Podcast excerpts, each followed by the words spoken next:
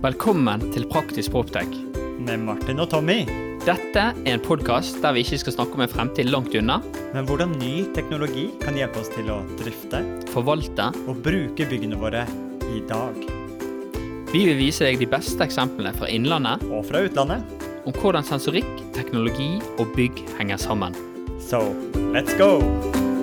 Hm? Hva var det du sa? Jeg er den første som har kalt dere influenser. Ja. Ja. Nei, Influencer? Jo. Men det har jeg tenkt om dere er to eh, lenge. Har det? Én det er ikke sikkert vi fluenser så mange, da. Jo, det gjør dere. Men apropos Birte, så er ikke det vi som har vært og frydet uh, forsiden på Teknisk Ukeblad denne uken. Teknisk Ukeblad. det, det var en sånn ingeniørsdrøm. Ja, var Ja, det? Ja, ja, jeg ble litt sånn De ringte, og så var jeg egentlig litt sånn halvveis ferie. Og så begynte han bare å prate, og jeg du vet, prata, og prata. Det, det vet vi at du kan. Ja, og så plutselig så sa jeg liksom Men eh, hva, hva skjedde nå egentlig? Skal du bruke det til noe, eller bare lurer du? Men, nei, nå skriver jeg en artikkel. Å ja! Oh, ok.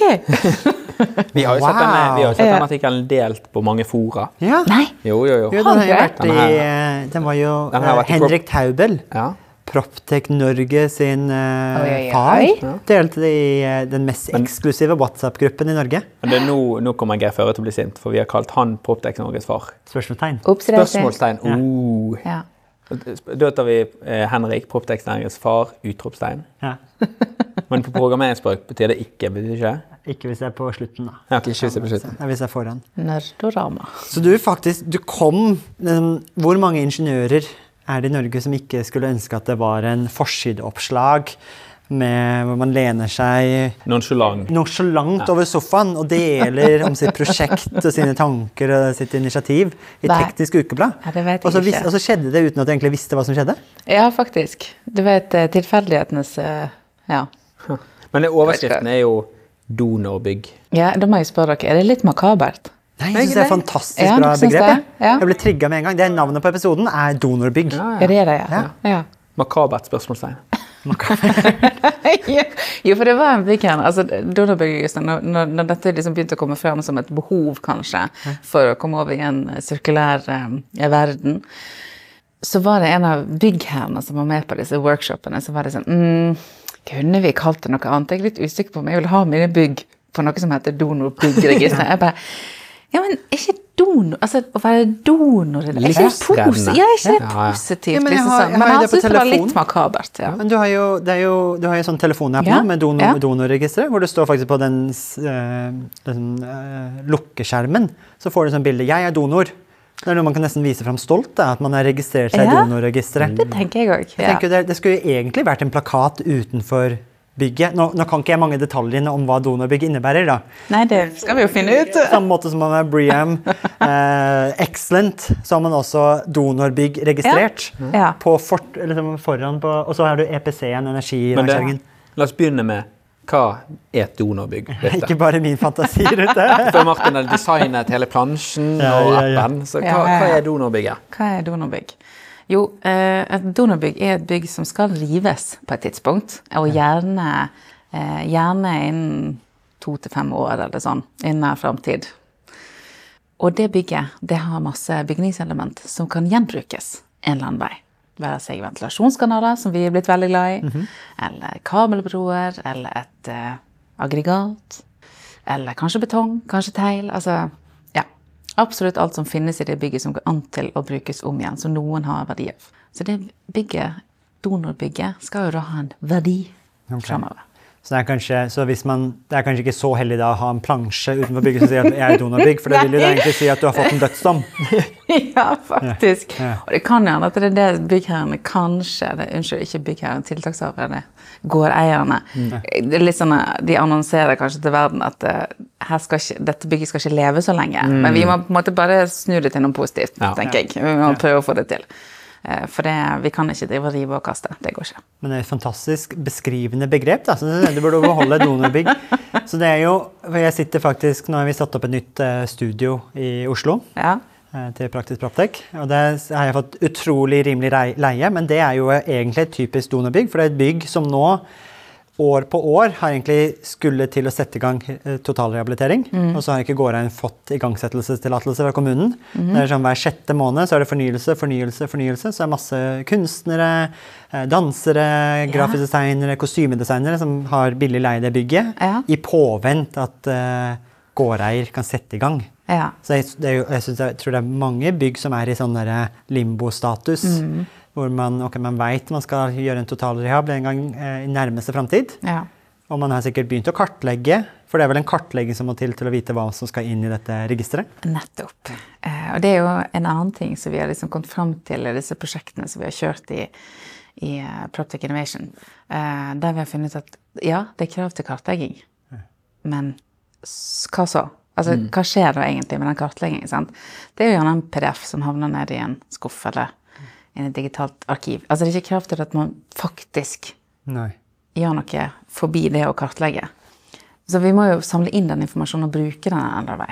Hva mener du er krav til kartlegging? Eh, Det er krav til å kartlegge bygg som skal rives. Ombrukskartlegging. Og dette gjør jo de store rådgiverselskapene og sikkert mindre rå- rådgivere òg. Men det er ikke krav til å faktisk bruke det til noe, den informasjonen. Det er ikke krav til å faktisk gjenbruke. Det er litt sånn, sånn energimerking. Du har et A-bygg, men om du drifter det som et F-bygg Nettopp. Ja, ok. Ja. Sant? Og, og det er litt sånn Det ser fint ut. Ha, noen kan hake av på at ja da, vi har gjort det. Men det har jo ingen som helst verdi hvis ikke du bruker den informasjonen til noe. Som lungene og leveren og blodårene ikke blir brukt, så er det bare sånn greit, vi har dokumentert at vi har gjort det, Ja. så kan vi rive med god samvittighet. Ja, altså, ja, du ligger der som en, en stolt donor, og så, og så ser de på innvollene dine, og så tenker de 'flott, dette var fint', og så pakker de sammen, og så, og så blir du Ja, rett på dynga. Nå ble det makabert her. Nå ble, nå ble donor makabert. Men det sier seg selv at dette er jo helt Det går jo ikke. Vi kan jo ikke gjøre det sånn. Nå, det, vi har jo egentlig satt eh, veldig agendaen hva vi skal snakke om i dag. ja. Men eh, nå er det sikkert mange som lurer på hvem, hvem er denne vakre stemmen vi har i studiet. så, så jeg tror vi rett og slett må, vi må liksom Så Birte Espeland, CEO Proptech Innovation på Vestlandet. Vi har jo jobbet sammen i styret og i denne bransjen her lenge, så det er kjempegøy å endelig få deg inn i det digitale studiet. Jo, takk, du. Så hvem er, hvem er, hvem er du, og hvem er Proptech Innovation? Ja, ikke sant. Hvem er jeg? Eh. Jeg har jo ikke tenkt Ja, det var veldig vanskelig. Um, jo, jeg pleier som regel å begynne med at jeg er sogning i denne bergenske byen. Ja. Ja. Du har en litt sånn Denne dialekten din har jeg aldri helt Ja, eh, klart å passere. Ja, Fra Solund. fra Solen helt ytterst i Sogn. Uh, jeg har begynt litt for lenge. Ja. Og så har jeg òg barn som er bergensere, så jeg har nok blitt litt utvasket, dessverre. Men jeg kom til byen for å ta energiteknologi på høgskolen. Så jeg er ingeniør, eh, ingeniør eh, energiingeniør, så det heter så fint. Og jobber litt i oljen og litt ulike plasser i eh, byggebransjen. Jeg har tenkt at CV-en min kanskje ser litt vel sprikende ut. Jeg hopper litt fra det ene til det andre. Men jeg har funnet ut at når jeg nå har begynt i Proptic Innovation, så var det kanskje ikke så dumt å ha litt kjennskap til ulike eh, deler av bransjen, og kanskje til en annen bransje. Ja, ja. Så det som jeg har tenkt var en svakhet, var kanskje ikke så dumt likevel. Nå er dere veldig stille. ja, spesielt, for nå kommer vi inn til Proptic Innovation. Da. Yes.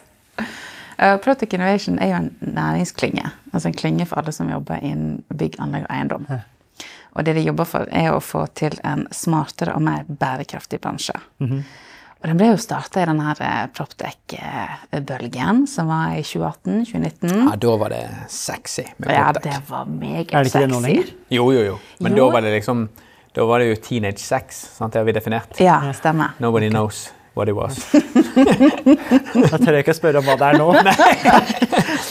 Nei, la oss ikke gå videre inn på akkurat det. Nei, men da så jeg på utsiden og så at liksom Proptech Innovation ble, ble skapt eh, av alle disse aktørene som mente at de måtte gå løs på bransjens store utfordringer sammen i fellesskap. Og gjerne spesielt med tanke på teknologiutvikling. Sant? Da var jo eiendomsteknologi det store greiene. Da var jeg i Multiconsult, husker jeg, og jeg, å, jeg hadde så lyst til å være med. Jeg syntes det så så gøy ut. Jeg tenkte at hvis ikke man blir med på dette her, så dør man. Men eh, vi, vi, vi overlevde, for å si det sånn.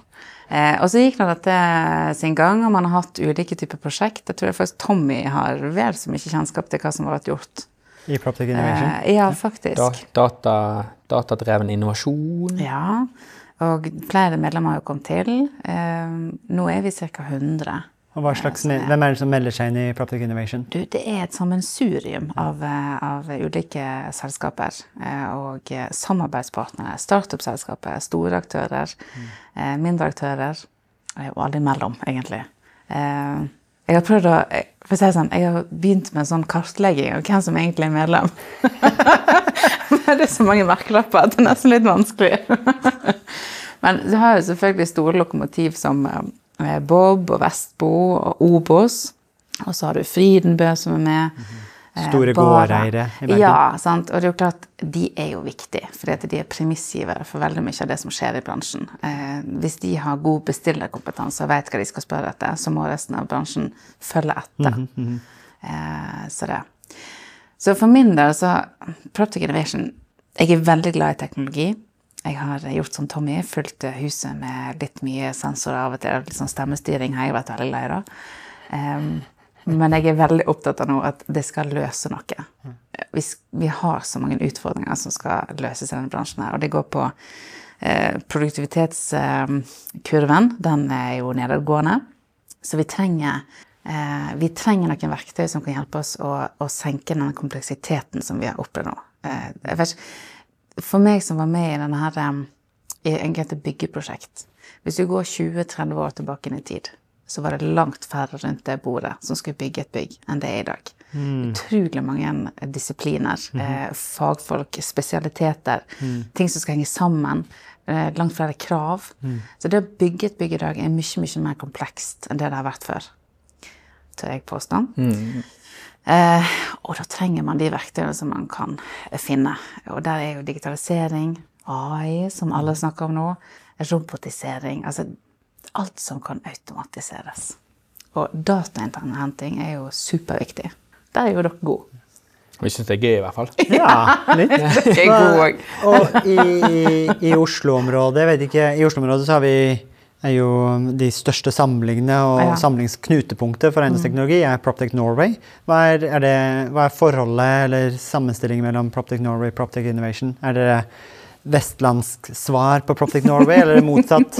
eller er det litt annen type struktur og fremgangsmåte? Eh, nå har ikke jeg hatt mange møter med Daniel ennå. Eh, vi har eh, planlagt Vi har, vi har kontakt, for å si det sånn. Ja. og Vi skal til New York sammen. Oh, nå i slutten av Bare du. Bare du og Daniel? Altså bare meg og Daniel. Vi er nødt til å bli kjent, jeg og han. Neida, vi skal på sånn eh, tur med Innovasjon Norge og ta med oss litt selskaper. Så vi skal bort og hilse på andre selskaper og, og bli litt kjent. Dette er det Daniel meg. Daniel Buttensjøen, som Ja, er ja, daglig leder i Proptic Norway. Ja. Yes, Beklager, jeg kalte han bare Daniel. Ja, han er for, oss òg en bare Daniel. Episode nummer 78. Ja, fire episoder siden, tror jeg. Ja. Oi, ikke sant? Ja, ja, ikke- ja, ja, ja, ja. Jeg, eh, Daniel var episode nummer 77. Så jeg går etter han i linjen, altså. Eh, Ja, men, det men, så- er det- men du må se på det på andre måter. Nå er vi enda mer eh, erfaren. Ikke sant? sant? Så du får en bedre utgave av meg og Martin nå enn eh, episode 77. Da var ikke vi helt eh, Ikke sant? Ikke helt på høyde. Nå vi begynner å bli litt eh, våte bak øret. Ja. Nei, du vet ikke, jeg tenker at, eh, at man er gode supplement. Og jeg ser jo um, Vi har jo hatt et arrangement med Construction City òg, som er en klynge. Eh, klynge i Oslo, som eh, gjerne er med på Comtech Mhm. eh, enn det vi er. Eh, de ligner kanskje litt mer med tanke på at de kjører prosjekter og sånn. Ja. Eh, noe som vi òg gjør, for å prøve å få mange med og løse de store problemene. Proptech Norway Jeg forbinder de med Proptech Summit Mhm. og eh, ja, noen veldig veldig gøye morgenmøter. Det har jeg hørt om. Er ikke det en konferanse som kommer nå snart? Jeg syns du husker at jeg kanskje har lest at dere skal være med. Det kan være at det skal være sånn retrofit-bonanza. Ja. Stemmer, det var det. Det er så gøye navn. Neste torsdag 27. september. Ja. Mesh Youngstorget. Ja. Og jeg er, jeg er invitert, for å si det sånn, men jeg, kalenderen krasjer. Blir ikke du med oss? Jeg trodde, jeg trodde Retrofit-bonanza var egentlig faktisk bare sånn working name, og så ble det bare en del av det. Så vi Det er det som er, det, er det som er farlig med sånn working Det name. det. Ja. Det var kanskje det samme donorbygg? Ja, kanskje litt. Bitte litt, ja. Bitte Ok, litt. så Proptic Innovation har jo holdt på noen år. Gjort, jobber med disse digitaliseringsprosjektene. Og så på et tidspunkt så fant vi at vi må kanskje enda mer praktisk til verk med alle disse komponentene som finnes i eksisterende bygg, til å bistå i retrofit eller re rehabilitering av bygg Ja. på bærekraftig måte. Så når kom det på banen som et eget prosjekt og satsingsområde? Jeg skal være litt forsiktig med å si akkurat dato, men, men eh, i flere år nå så har man hatt to sånne fokusområder. Det, det er datadrevet innovasjon, som har vært kjørt som et prosjekt, men òg er litt omforma nå, da, eh, med sånn flere underprosjekter og litt mer med kompetanse. Ja, og så er det sirkulær økonomi. Ja. Og sirkulær økonomi har hatt ulike mm, epoker. Eh, der det først, det begynte vel egentlig med at ja, eh, skal vi nett se på som bransje hva dette sirkulærøkonomigreiene egentlig er for noe? Eh, vi begynner også um, eh, Kjørte noen sånne workshop-serier. Eh, og peiler oss mer og mer inn. Og her var jeg faktisk med som deltaker. Så akkurat, akkurat dette fikk jeg lov til å være litt mer en sånn del av eh, før jeg ble en eh, ansatt i Proptech Innovation. For, for der kjørte jo dere òg eh, gjenbruk av Eller var med på denne gjenbruk av kanaler. Stemmer ikke det? Jo, det kom jo, og det, det er litt vittig, for vi, husker du Tommy, at vi hadde en eh, konferanse som heter Sirkulær økonomi? Solstrandkonferansen. Den be verdensberømte Den Solstrandkonferansen i Bergen 28. mars. Nei, jeg husker ikke datoen. Husker Jo, det er noe sant. Ja, årets, eller neste års. Um, Men uh, eh, Kine eh, hun var jo ansvarlig for den eh, Solstrandkonferansen som handla om sirkulær økonomi. Og Den skulle vært arrangert midt i pandemien, eh, som betyr at vi utsatte den. Så fikk vi to år på å planlegge en konferanse som skulle handle om sirkulær økonomi. I løpet av de to årene så skjedde det egentlig ganske masse. Blant annet så fikk Kine et prosjekt sammen med eh, en del andre aktører der hun skulle prosjektere med kanaler. kanaler. Altså ventilasjonskanaler. Eh, og det hun ser, det er når hun går på befaring, så sier hun ok, de kanalene som henger der i dag, det er jo de kanalene som jeg har tegna inn. Og så hadde hun denne konferansen i bakhodet som vi drev og sysla med. Og så er det sånn, hvorfor i alle dager skal jeg ikke bare gjenbruke det? Og så alt dette bounsa litt att og fram, eh, men det kom inn igjen i klingen som en sånn Skal vi ta oss og se på hvordan en sirkulær verdikjede ser ut for et bygningselement? Mm. Og det var da ventilasjonskanalene. Ja. Vi tenkte det skulle være enkelt. Ja. Ja. Det er kanskje en grunn for at det ikke hadde blitt satt i system fra før. Kanskje. Uh, altså, det er jo lettere å bare klappe de sammen på byggeplass og transportere de og få, få um, betalt for den Stålet. aluminium. Ja, ja. Og det var jo, Jeg husker, jeg husker Kine fortalte på Solstrand òg at det var mye Excel-arbeid, mye Excel-timer med å måle opp og putte opp i et Excel-ark. og og For dette, et dette her er Kine fra Sveko, som Ja. er rådgivende ingeniør ventilasjon. ja, og det, det, det samme. Kine som på en måte har, har ghostet oss litt når vi inviterte henne inn til Praktisk Podcast, For vi ville jo egentlig prate om det. Ja, vi ville jo egentlig det, men, Men da hadde hun et, hun hadde et rehabiliteringsprosjekt som hun Ja. jobba som RIV eh, på.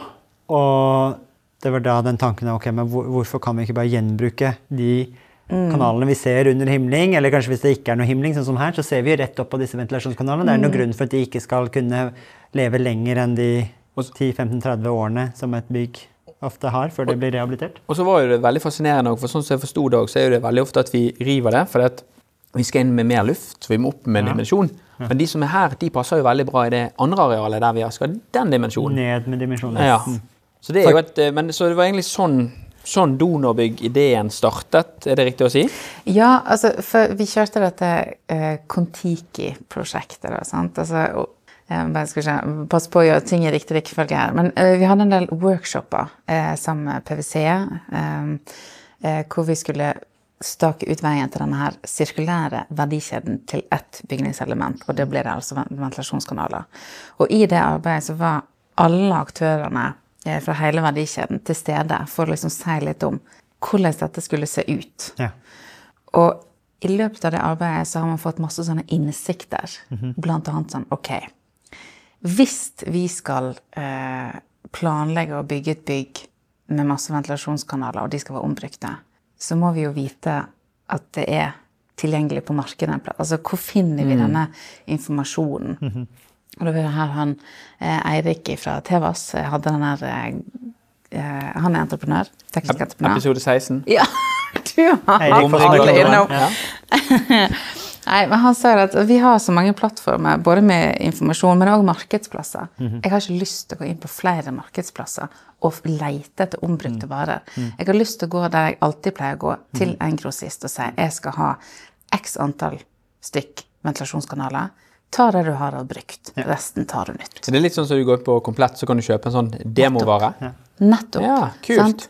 Men det første problemet dere møtte på, var at egentlig for at de skal lykkes med ombruk av ventilasjonskanaler, så må det egentlig gå gjennom de tradisjonelle kanalene som entreprenørene bruker. Så det blir eh, Ventistål, Lindab, eh, Trox på ventilasjonsteknisk. Ja. Ja. Og det, men jeg tenker det andre problemet dere møtte på, jeg har også hørt nyss om, er at det er rundt det er vel noen dokumentasjonskrav. Og kanskje også, du må jo verifisere at disse ikke er Det er jo en tetthetskrav på ventilasjonskanaler. Yes, det òg noe. Og hvordan løste, Har dere funnet noe ut hvordan man Nei. kan løse det Nei. på gjenbruk? Nei. For det er vel en, Man tar på seg stor risiko hvis man gjenbruker komponenter man Ja. ikke kan dokumentere. Det er jo store dokumentasjonskrav på alle komponenter man tar inn på et bygg. Det er helt sant. Sånn at det, lovverket og kravene som stilles, eh, det er jo òg en, en egen ting sant, som man er nødt til å se på. Det kan jo hende at skal du bruke eh, ombrukte byggevarer, så må man senke kravene på en eller annen måte, eller kunne dokumentere. Og det er jo litt sånn interessant hvis du, hvis, Ok, si vi finner ut av denne her verdikjeden, i den sirkulære verdikjeden til en ventilasjonskanal. Eh, og så Kon-Tiki-prosjektet som vi kjører, det handler jo om å faktisk forflytte denne ventilasjons... Altså teste ut denne verdikjeden. Og da handler det om eh, både den fysiske forflyt- forflytningen, den digitale forflytningen, altså hvordan skal dette gå inn i ulike altså Hvor skal det gå hen digitalt? For du, du, vi handler jo digitalt, sant. Og så er det det transaksjonelle. Hvem eier hva, og når? Yeah. Og der er det der vi har bøtt på mest problem. For jeg, jeg har et veldig praktisk problem. Yeah. Som jeg, jeg tror ikke dere vet om. Jeg vet ikke om jeg har fortalt det. Men når vi tok med oss eh, Poptech Bergen fra Kokstad til Fyllingsdalen, det var et bygg som var 90, over 90 gjenbrukt, eh, så koblet vi til en vannmaskin, som òg var en gjenbrukt vannmaskin, som vi hadde fått donert til oss. Eh, Og den koblet vi på en vannvakt som var gjenbrukt og testet av rørlegger. Denne virka, den er kjempebra. Koblet til, og jeg med masse sensorer hadde jo koblet opp. Eh, og seint en lørdagskveld så fikk jeg jo melding om at eh, det, nå er det kommet vann på gulvet. Så tenkte jeg ja, da er det sikkert noen som har grist litt. Men jeg er jo helt slapp av, jeg har jo vannventil og vannvakt, og dette skal automatisk lukke. Og reiste opp på søndagen da, litt sånn angstfull, og da kom jeg jo og vasset til vann til knærne. Oi, oi. Eh, Og det var jo dagen eh, før vi skulle åpne den nye lokasjonen med alle nye leietakere. Og det var jo, så, så man ble jo veldig god til å støvsuge vann og, og få dette til, men vi måtte jo rive opp alt gulv. Eh, veggene, lufting og alt sammen. Og når jeg tok kontakt med han stakkars rørleggeren min, så sier han at eh, ja, vi har jo montert dette her og alt er gjort riktig, men vi sliter faktisk litt. For normalt sett når vi kjøper denne her vannvakten, så har vi liksom hele papirarbeidet og forsikringen veldig klart. Ja. Men nå så sliter vi faktisk litt med forsikringen, for at vi har brukt en komponent som er på bygget. Så det er egentlig de som har levert denne komponenten her, som må bruke sin forsikring for å få dette til. Og vi prøvde via gårdeier, vi prøvde, vi prøvde via vårt forsikringsselskap. Men enden på visen ble at meg og rørleggeren ble enige om at vet du hva, dette er et hull. Så vi måtte dekke begge to. Enorm, enorm kostnad for oss begge. Jeg tror begge, begge to følte at dette her gjorde vondt. Og det syns jeg er litt sånn problematisk i denne gjenbruken. Og da tenker jeg det er mange som må på banen her. Forsikring må på banen. Oh, ja, ja. Bank. Eh, vi, vi må liksom Og kanskje òg krav sant, på en, på en helt annen ny måte. Ja. Og det er jo derfor det er så himla komplisert. Jeg kan tenke deg hvor mange år vi har brukt på å, å komme dit vi er i dag. Ja, med de reglene. bygg, ja, ja. sant? Og, og det er lineært. Mm. Vi, vi kjøper noe, og så er det til kast. Alle de aktørene som er med, som har vært med over tid og utforme akkurat sånn som det er i dag. Og så skal vi liksom bare Nei, forresten, vi gjør det på en annen måte. Ut. Det tar jo litt tid, da. Jeg skjønner jo at det ikke er så lett for de som setter krav, lovgivning, altså forsikring Jeg jeg forstår at det ikke er lett, men vi må jo bare endre på en god del Men ting. jeg altså. får jo inntrykk av, siden dere nå lanserer donorbyggregisteret, at dere har løst alle disse problemene? Og overhodet ikke. og nei, nei, nei. Martin, i Bergen så lanserer vi ting før vi løser det. Ja, Det er sånn vi ja, ja, løser ja. ting. Du, faktisk, eh, er på mange måter en sånn eh, Vi tester hypotesen. Yeah. For som jeg sa, sant, altså, hvis det, grossisten skal eh, ta inn masse ventilasjonskanaler, så må han vite hvor han henter det henne, og, og hvor store volumer. Altså, Det må jo rengjøres. Ja. kvalitetssjekkes? Det, det må det òg, for så vidt. Men du må jo vite hvilken bygg er det som skal rives, og hvor kan jeg finne Og hvilken volumer snakker vi om? sant? Hvilken bygningselement?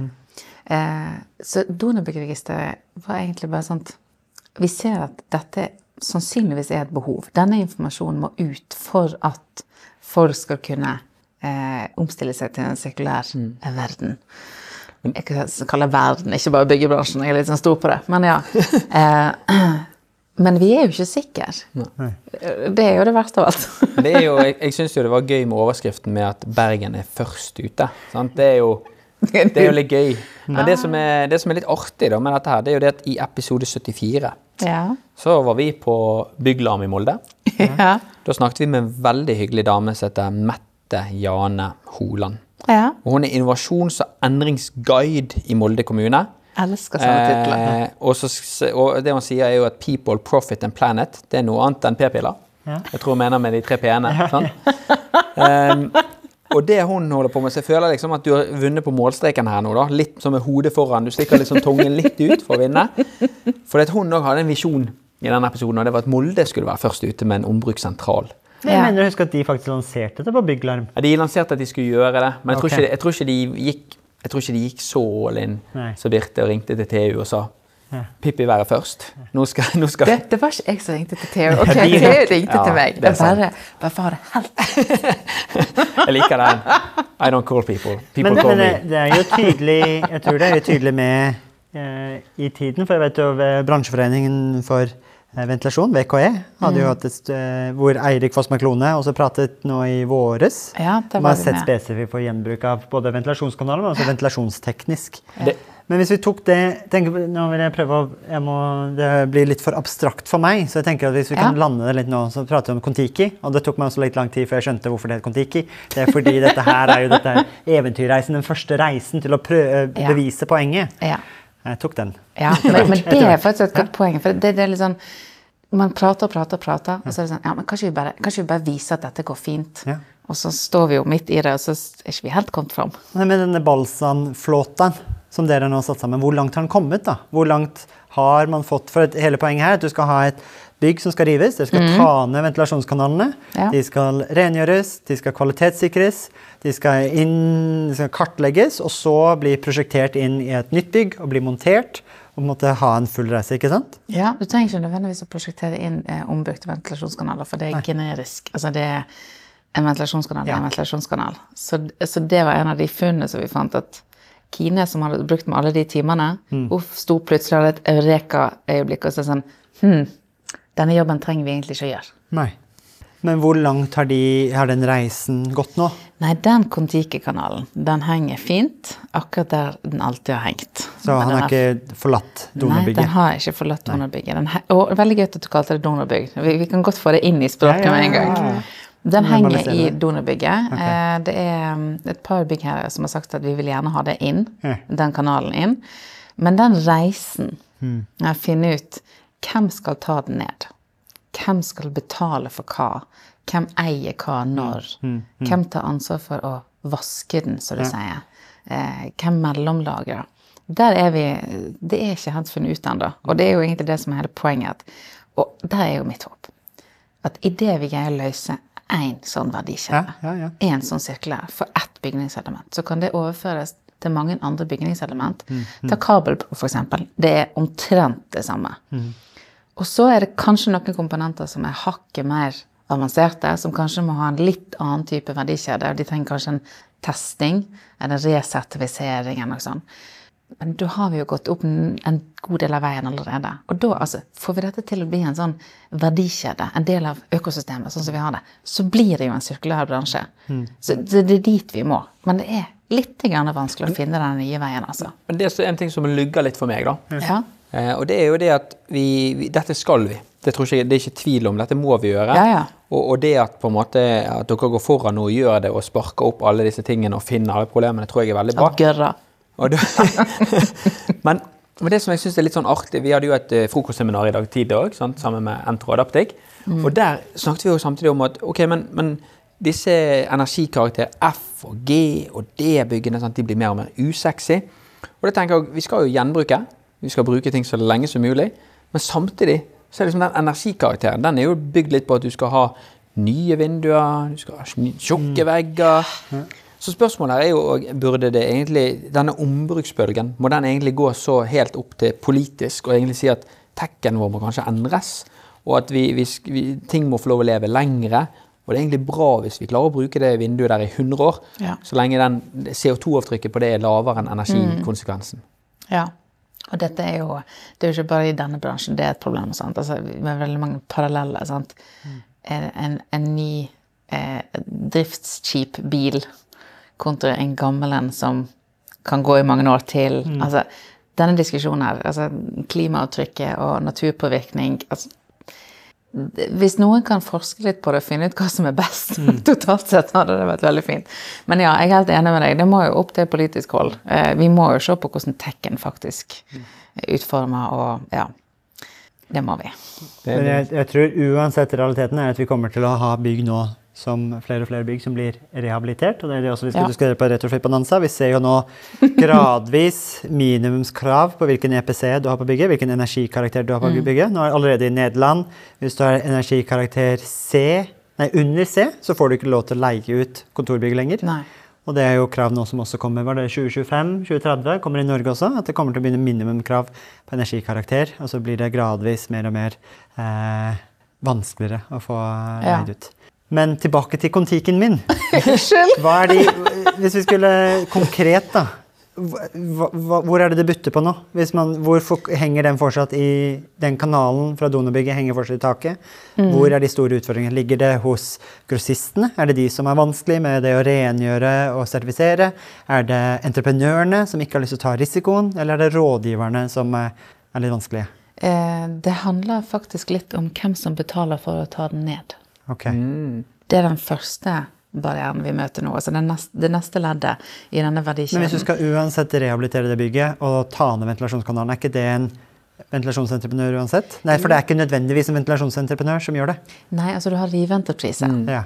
Så du river jo et bygg, og så er det en riveentreprenør. Ja. Og, og tilbake til språket, la oss kalle det demonteringsentreprenører. For Ja. det er demontering vi skal fram med. Ja. Altså, sant? Det er nettopp- ingenting skal rives lenger. Vi har et bygg nå som jeg nettopp der man nettopp har kontrahert noen som skal rive det. sant? Ja, Tommy. Og så er det en helt ny entreprenør som skal bygge det opp igjen. Og det òg tenker jeg litt på med denne demonteringen. For det, det stiller jo òg en krav til at det blir demontert riktig. Ja, Og hvis det er to forskjellige ledd og, ja men, men Og trenger det egentlig å være det? Altså, kanskje, kanskje er det dagens entreprenører som bygger, som har ekspertisen til å ta, ta ned eh, de bygningselementene òg. På samme måte som at det er grossistene eller leverandørene som har ekspertisen på sine bygningselementer. Så det er de som bør få de inn igjen og vaske de eller teste de eller resertifisere de. Sant? Altså det er de som har peiling. Så det er de som bør gjøre den jobben. For det som slår meg bare, er jo den gangen jeg skulle demontere en planke med sånn en million spikrer i.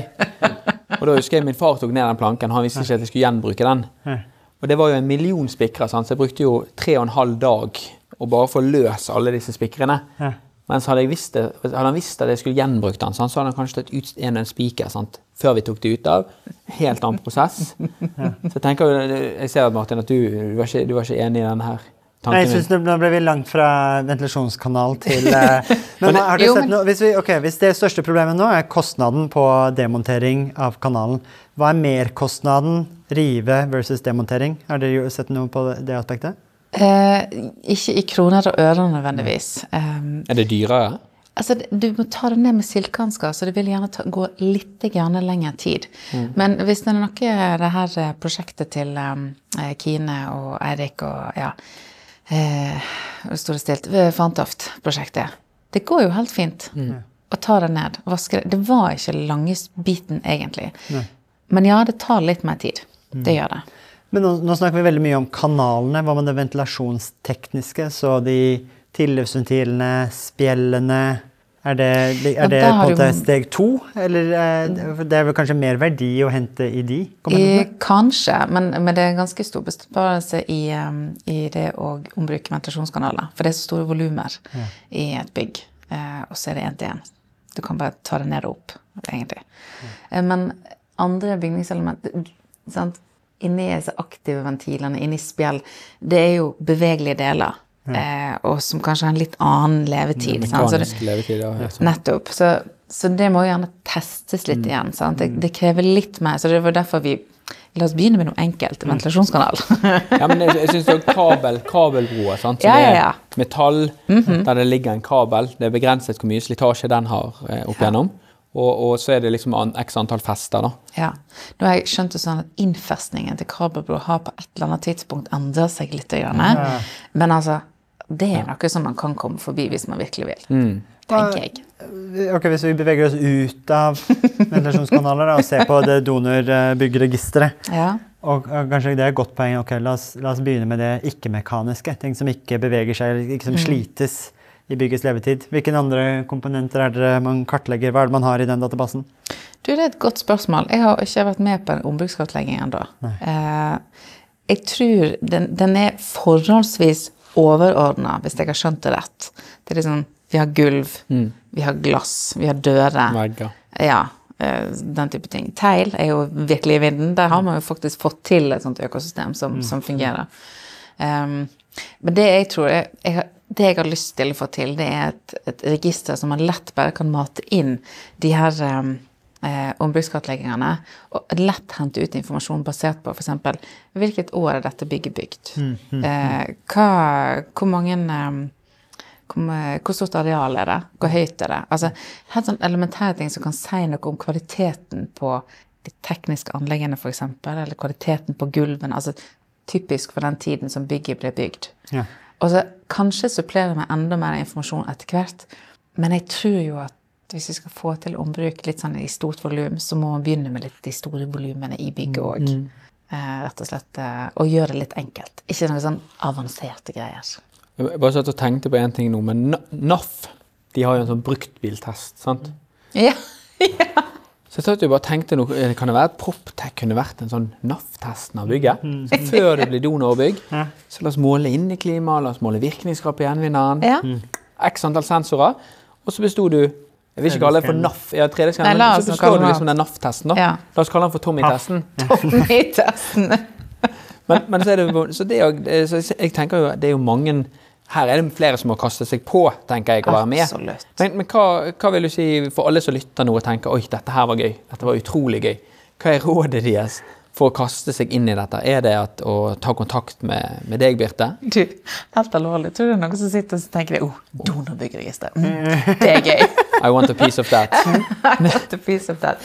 Du, eh, selvfølgelig. Eh, Vi har en egen prosessleder. Vi har fått midler fra Bergen kommune og fylke, eh, altså Vestland fylke, eh, til å utforske det her. sant? Eh, og kanskje spesielt med å tenke på denne regionen her, for å prøve å få det opp og gå, sant? som gjør at vi kan skalere det videre nasjonalt. Og bli verdensledende på ombruk. Yes. Um, Anita uh, i Cantega, hun er prosessleder. Uh, det ligger på nettsiden åpent. Så hvis dette var interessant, så er det bare å ta kontakt. Uh, og det er hele verdikjeden vi skal ha på plass. Og alle som tenker at de kan ha nytte av informasjonen som vil finnes i et donorbyggeregister, og kanskje ha en formening om hva, hva informasjon som faktisk bør finnes. For vi er helt i startfasen av det prosjektet. Så det går ikke an å gå inn nå på mittdonorbygg.no og registrere bygget sitt med kartle... Nei. Men hvis du har lyst å registrere bygget ditt der, så må du ta kontakt. Vi har noen allerede som har meldt sin interesse. Eh, og vi trenger mest sannsynlig en sånn pilot som kan, eh, vi kan teste litt ut. Eh, hva som bør ligge der, og hva som ikke bør ligge der. Og så er det egentlig bare en sånn test. Sjekke. Er dette, er dette virkelig et behov? Eh, var det det som skulle til? Ja. Hvem er det som vil vite hva? Og så videre. Så um, mer ferdigspikra er det faktisk ikke. Det er jo gøy, da. Det er gøy. Men sånn er jo det å være i, i tet i front. Ikke sant? Så det, men, det, men så tenker jeg, så tror jeg nok det er mange eh, bydeler og kommuner nå som eh, sikkert har lyst til å følge med på dette prosjektet med argusøyne. For jeg tenker at det som fungerer i Bergen, det fungerer Eller det er ikke alt som fungerer i Bergen, så du kan ta med det andre plasser. Men, men stort sett så kan det kanskje fungere i Molde. Kanskje det kan fungere i Oslo. Ja, Så, så dette her, eh, her er nok det mye prøving og feiling sikkert som skal til. det tror jeg òg. Så tror jeg, det, jeg tror det faktisk er ganske mange som tenker eller Ja. ser på dette her nå. som Ja. vi skulle gjerne hørt fra Andre gode eksempler òg.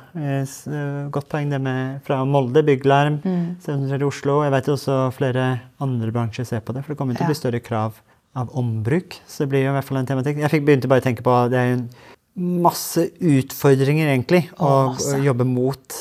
Alt for alt er på en måte tilrettelagt for at, det skal gå, liksom, at eh, komponentene skal gå én vei. Mm. Dokumentert på en måte, satt opp på en måte. At det egentlig vi- det er å gå i motbakke til å Absolutt. Men vi gjør det vanskelig for oss selv til å gjenbruke. Forferdelig. Ja. Og så, og så må jo selskapene må jo omstille seg. ikke sant? Det blir jo gjerne mindre materialkostnader og mye mer timer.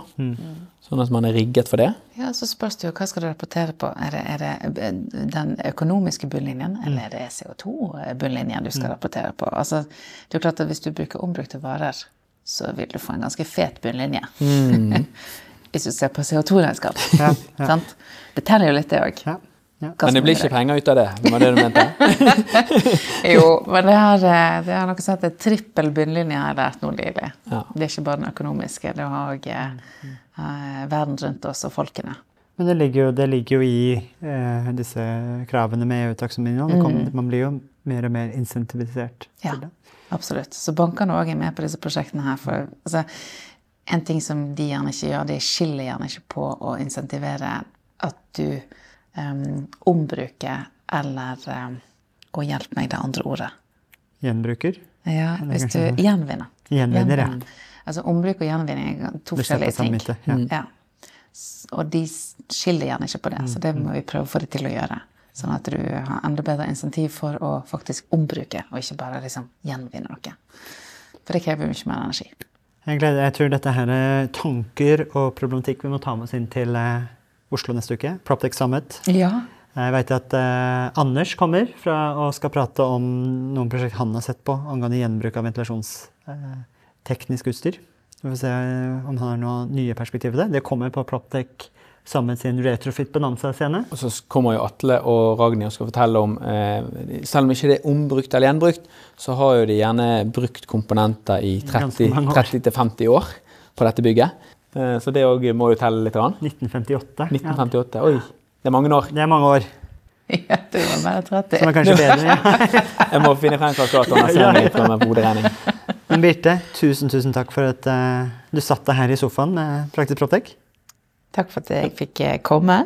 Kan jeg komme med en siste kommentar? Er det noen andre enn meg som tenkte at disse Haribo-smokkene som jeg har kjøpt inn som Ja. bevertning, var ikke de veldig gode? Jeg skulle til Jo. å kommentere det, for det var mye Jo. bedre at vi hadde de enn den gangen du kjøpte Smash. Ja, Smash lagde litt mer lyd i mikrofonen. Men uh, vet du hva jeg kom på nå? Nei. Jeg har egentlig snopestopp. Men det har, det har vi faktisk det, Jeg har sett deg spise mange av disse smokkene. Nei, Jeg har bare tatt én. Så Men med det så tror jeg nok en episode av Praktisk Proptech er dessverre over for denne gang. Mitt navn er Tommy. mitt navn er Birte. Og jeg heter Martin. Og du har nettopp hørt på Praktisk Proptech! Sofa edition. Og leken er lett.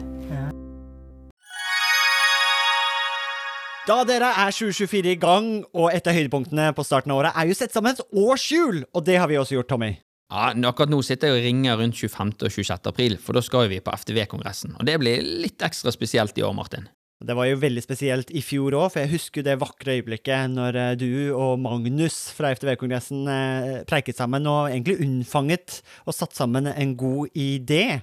Og det var jo invitasjonen til eh, Proptech-dugnaden, som også blir et høydepunkt i år, ikke sant, Magnus, på FTV-kongressen 2024.